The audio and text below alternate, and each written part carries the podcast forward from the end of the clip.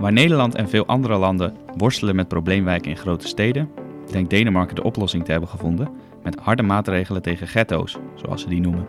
Gertjan van Schoonhoven, chef van de redactie Nederland, ging er op bezoek voor een reportage in ons dubbeldikke kerstnummer dat deze week in de winkel ligt. Mijn naam is Matthijs van Schie en in deze nieuwe Elsevier Weekblad podcast gaan we het hebben over het Deense ghetto-beleid. Gertjan, welkom. Dank. Jij bent net terug uit Denemarken. Wat heb je daar gezien? Ik ben daar een aantal dagen op pad geweest om uh, te praten met politici vooral. En ook om te, te kijken in de buurt waar het over gaat. Uh, naar aanleiding van de, de anti-ghetto-politiek die de Denen uh, al, eigenlijk al vrij lang voeren, maar die ze dit jaar verhevigd hebben. Dat is begonnen met de, de nieuwjaarstoespraak op 1 januari van de premier, de leider van een rechtsminderheidskabinet. En die heeft een vrij stevige speech gehouden daar, waarin uh, het kabinet Rasmussen aankondigt dat in 2030 uh, alle ghetto's in Denemarken opgeheven moeten zijn. Dat waren er op dat moment 22, maar dat is een, een volatiele lijst. Dus nu sinds 1 december zijn het weer 29. Je kan erop en je kan er weer af, afhankelijk van de statistieken van die, van die buurt. Wat verstaan de Denen precies onder ghetto's? En kun je die vergelijken met probleemwijken uit Nederlandse steden?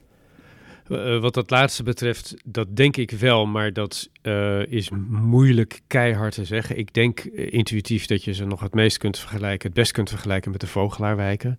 Hè, dus het gaat om um, probleemwijken, noemen wij ze dan braaf, in de grote steden, maar ook wel daarbuiten.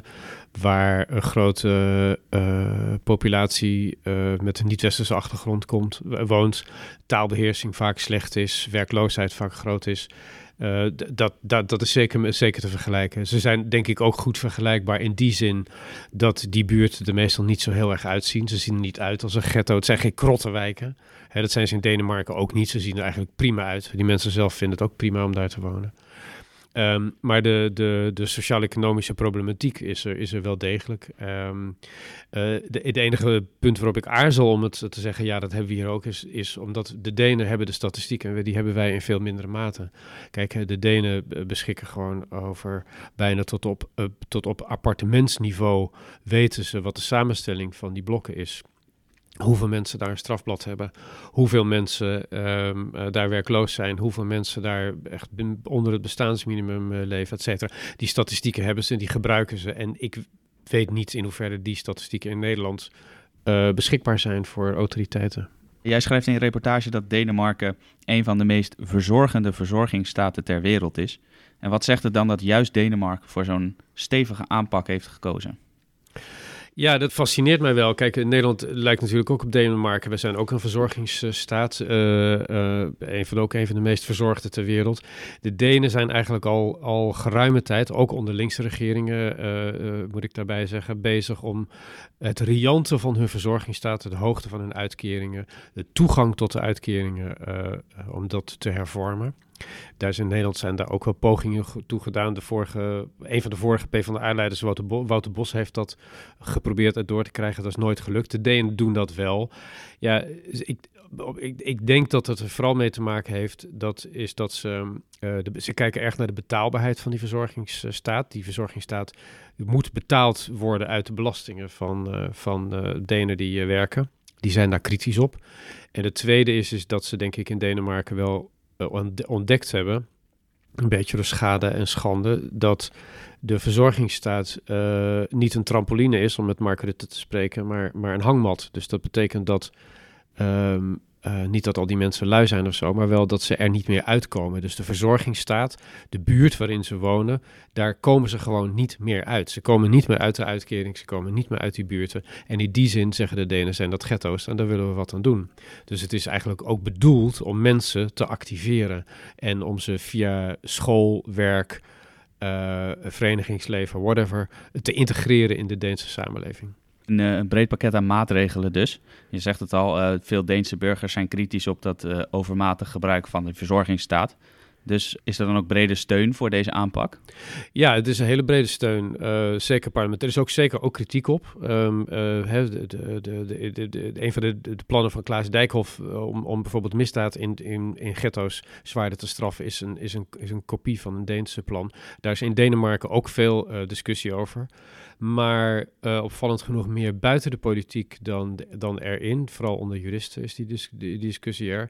Maar bijvoorbeeld de, de Deense Sociaaldemocraten steunen het, uh, het ghetto-plan. Ik heb daar gesproken met, met een erg boeiende, uh, charismatische jonge sociaaldemocraat... die een van de nieuwe gezichten is van die partij. En ja, die, die zijn gewoon vastberaden in, in, um, in dat ze die ghetto's in 2030 uh, eh, Denemarken uit hebben. En ze steunen dus ook maatregelen die, ja, die hier bijna als extreem rechts gelden.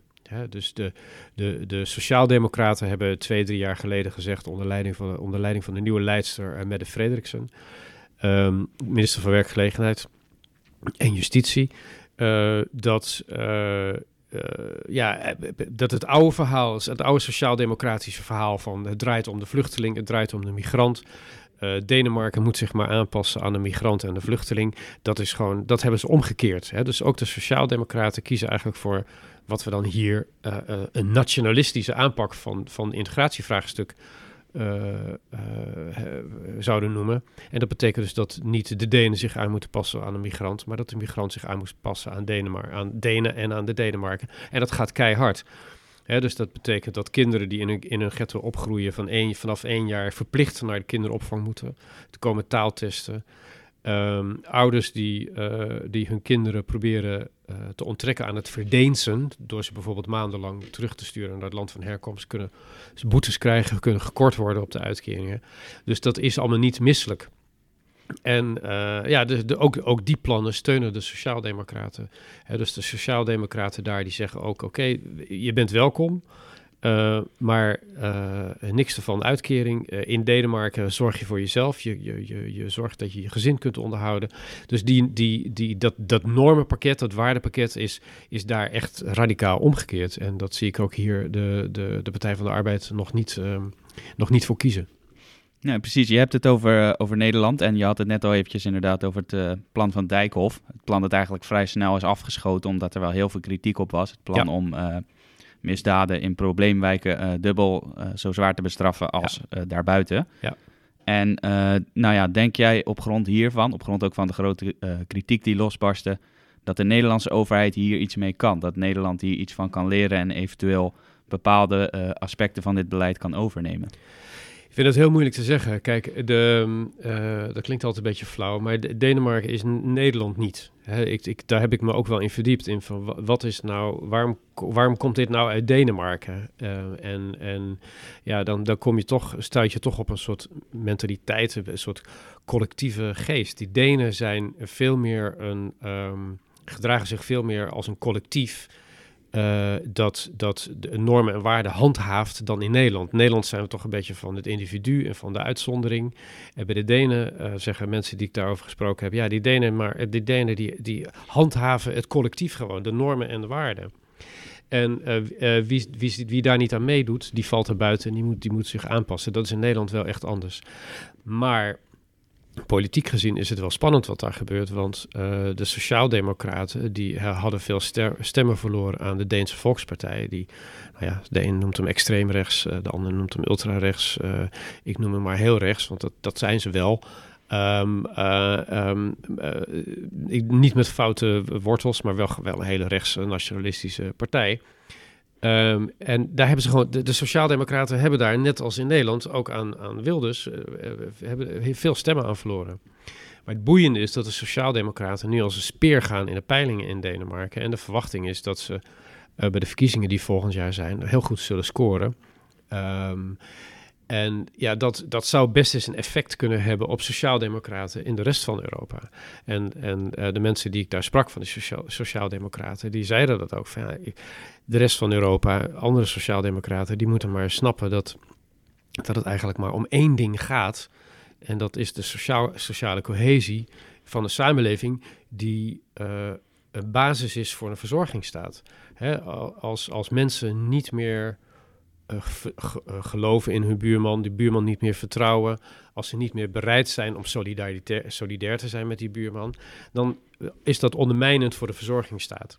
En, en want niemand, zei even die mensen die ik sprak, niemand, uh, niemand wil betalen voor zijn buurman als die hem niet kent. Nou, dat is denk ik in de basis wat ze daar proberen te, te, te herstellen met een heel hard integratiebeleid. Dat iedereen daar weer Deen wordt, ook de, ook de westerse, niet-westerse migranten. Nationalisme, een echte uh, nationale cultuur. Uh, dat is iets waar bepaalde partijen in Nederland zeker allergie voor hebben. Um, dan kun je natuurlijk denken aan bijvoorbeeld de linkse partijen, de P van de A die natuurlijk van oudsher juist een partij was van de echte verzorgingsstaat en de solidariteit. Dus en internationale solidariteit ook vooral. Ja, ja, precies. Nou is het interessant in dat licht dat afgelopen zomer Lodewijk Asscher, de leider van de PvdA, naar Denemarken ging. En als ik me goed herinner, sprak hij daar met leiders van de Deense Sociaaldemocraten, ook met uh, andere Sociaaldemocraten uit Europa. Zou hij deze strategie ook kunnen gebruiken om misschien de populariteit van de PvdA weer te herwinnen? En zou hij daarvoor openstaan zelf? Nou, dat laatste denk ik dus wel, want anders ga je niet praten.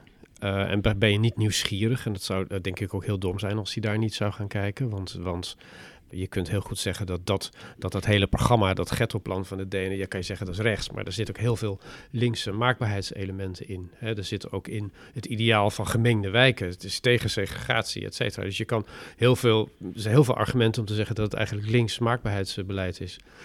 Um, en, uh, maar ik zie nog wel, en hij, heeft dus gesproken, um, uh, maar wat mij aan die bijeenkomst opviel, de teksten die daarbij zijn uitgesproken, is toch nog wel steeds een beetje het oude, um, de internationale oriëntatie.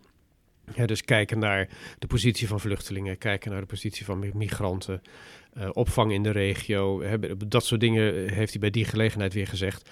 En wat er in Denemarken gebeurt, um, is toch echt fundamenteel anders. Kijk, daar, daar zeggen ze nu allemaal, um, uh, het, het, het gaat, ze hebben, ze hebben daar de afgelopen jaren de, de, de influx, de instroom van migranten, asiel echt al teruggedraaid. Ik, ik, mensen zeiden tegen mij van alleen Bulgarije wijst meer asielzoekers af dan Denemarken. Dat gaat heel hard daar. Dat kunnen ze ook omdat ze een opt-out hebben op, uh, uh, op EU-asielregels. dat kunnen de Denen, dat hebben wij niet. Um, dus die Denen hebben iets meer handelingsvrijheid. Maar ze, ze, ze, ze hebben ook gewoon fundamenteel het verhaal veranderd. Het gaat niet meer zozeer om de positie van migranten, maar het gaat om de positie van de ontvangende samenleving. Wat is in het belang van Denen en wat is niet in het belang van Denen? En dat is echt een fundamentele ommekeer uh, van hoe je dat hele, die hele kwestie aanvliegt, om het lelijk te zeggen. En de Denen doen dat consequent. Die Deense sociaaldemocraten daar doen het ook uh, consequent. En ik denk dat, de maatregelen, dat dat hele verhaal en alle maatregelen die, die, daarbij horen, dat die toch wel een brug te ver zijn voor de Sociaaldemocraten in, in, in Nederland. Maar je weet niet wat er gebeurt als zometeen in Denemarken de Sociaaldemocraten daar de eerste zijn in Europa die een flinke comeback gaan maken bij de verkiezingen. En dat is wel de verwachting. Wanneer dus, zijn die uh, verkiezingen? Nou, dat is nog niet helemaal duidelijk. Dat moet nog worden vastgesteld, waarschijnlijk ergens in het voorjaar. Um, uh, uh, maar ja, de verwachting is wel dat ze, dat ze, uh, dat ze daar flink gaan winnen. De Sociaaldemocraten daar hebben ook gebroken met hun vaste partner. dat was een nog iets linksere partij, dat Radicale Venstre heet dat. Dat is een soort GroenLinks D66. Ze hebben vorig jaar, dacht ik, uitgesproken... ook als we kunnen regeren, gaan we niet met die partijen regeren... Uh, vanwege hun migratiepolicy. Dus ze willen een minderheidsregering, wat in Denemarken vrij populair is en wat ook redelijk goed werkt. Dus de Sociaaldemocraten daar, moet je voorstellen dat Lodewijk Asscher hier zegt: Sorry, ik ga vanwege zijn migratiestandpunten niet met Jesse Klaver of met Lian Marijnus uh, regeren. Dat zeggen ze al voor de verkiezingen. Dat, zegt, dat geeft iets aan van hoe ernst het ze is. En nou, dat zie ik Asscher hier nog niet zeggen. Maar wie weet is dat volgend jaar anders. Interessante ontwikkeling om in de gaten te houden in Denemarken. En wie weet wat het nog voor invloed kan hebben op Nederland. Dankjewel Gert-Jan voor deze interessante bijdrage. Graag gedaan. Bent u benieuwd geworden naar de volledige reportage? Dan kunt u hem lezen in het dubbeldikke kerstnummer van Elsevier Weekblad. Dat deze week in de winkel ligt. Mijn naam is Matthijs van Schie. En ik dank u hartelijk voor het luisteren. Over twee weken zijn we terug met een nieuwe podcast. Namens Elsevier Weekblad wensen we u alvast prettige kerstdagen en een gelukkig nieuwjaar.